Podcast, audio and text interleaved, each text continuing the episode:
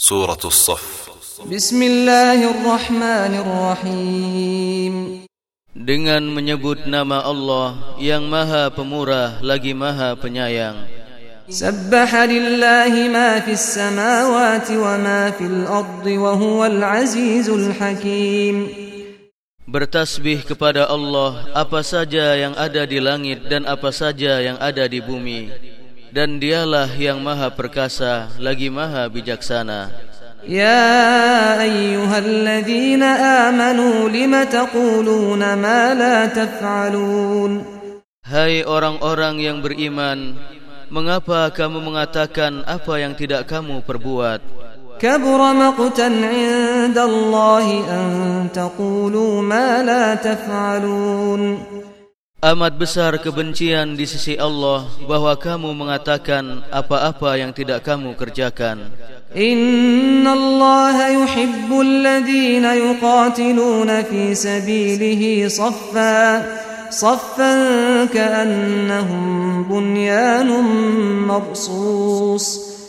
Sesungguhnya Allah menyukai orang-orang yang berperang di jalannya dalam barisan yang teratur, seakan-akan mereka seperti suatu bangunan yang tersusun kokoh. وإذ قال موسى لقومه يا قوم لم تؤذونني وقد تعلمون أني رسول الله إليكم فلما زاغوا أزاغ الله قلوبهم والله لا يهدي القوم الفاسقين Dan ingatlah ketika Musa berkata kepada kaumnya, Hai kaumku Mengapa kamu menyakitiku Sedang kamu mengetahui bahawa sesungguhnya aku adalah utusan Allah kepadamu Maka tatkala mereka berpaling dari kebenaran Allah memalingkan hati mereka dan Allah tiada memberi petunjuk kepada kaum yang fasik.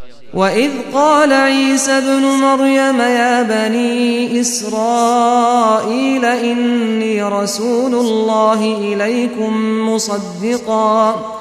رسول الله إليكم مصدقا لما بين يدي من التوراة ومبشرا برسول يأتي من بعدي ومبشرا برسول يأتي من بعد اسمه أحمد. فلما جاءهم بالبينات قالوا هذا سحر مبين Dan ingatlah ketika Isa putra Maryam berkata, Hai Bani Israel, sesungguhnya aku adalah utusan Allah kepadamu, membenarkan kitab yang turun sebelumku, yaitu Taurat, dan memberi kabar gembira dengan datangnya seorang Rasul yang datang sesudahku, yang namanya Ahmad. Maka tatkala Rasul itu datang kepada mereka dengan membawa bukti-bukti yang nyata, mereka berkata, ini adalah sihir yang nyata. ومن أظلم ممن افترى على الله الكذب وهو يدعى إلى الإسلام Wallahu la yahdil qawmadzalimin Dan siapakah yang lebih zalim daripada orang yang mengada-adakan dusta terhadap Allah Sedang dia diajak kepada agama Islam. Dan Allah tiada memberi petunjuk kepada orang-orang yang zalim. Yuriduna liyutfi'u nurallahi biafwahihim. والله متم نوره ولو كره الكافرون Mereka ingin hendak memadamkan cahaya agama Allah dengan mulut-mulut mereka dan Allah tetap menyempurnakan cahayanya meskipun orang-orang kafir itu benci. هو الذي أرسل رسوله بالهدى ودين الحق ليظهره على الدين كله ولو كره المشركون Dialah yang mengutus Rasulnya dengan membawa petunjuk dan agama yang benar agar dia memenangkannya di atas segala agama-agama meskipun orang-orang musyrik benci. يا أيها الذين آمنوا هل أدلكم على تجارة تنجيكم من عذاب أليم Hai orang-orang yang beriman, Sukakah kamu jika aku tunjukkan suatu perniagaan yang dapat menyelamatkan kamu dari azab yang pedih?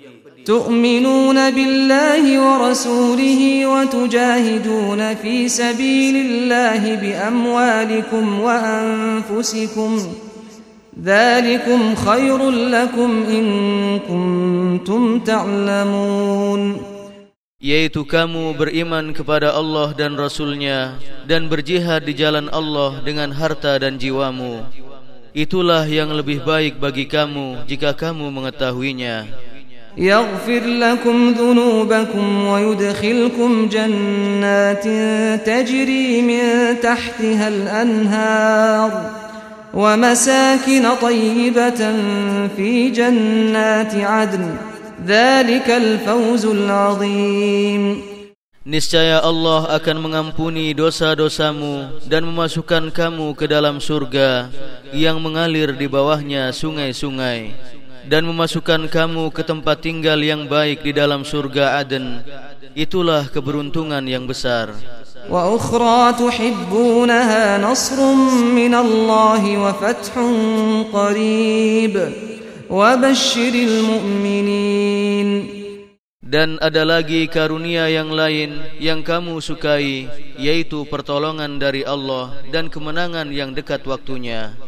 dan sampaikanlah berita gembira kepada orang-orang yang beriman Ya ayyuhalladzina amanu kunu ansar Allah كما قال عيسى ابن مريم للحواريين من أنصاري إلى الله قال الحواريون نحن أنصار الله فآمنت طائفة من بني إسرائيل فآمنت طائفة من بني إسرائيل وكفرت طائفة فأيدنا الذين آمنوا على عدوهم فأصبحوا ظاهرين Hai orang-orang yang beriman, jadilah kamu penolong-penolong agama Allah sebagaimana Isa putra Maryam telah berkata kepada pengikutnya-pengikutnya yang setia.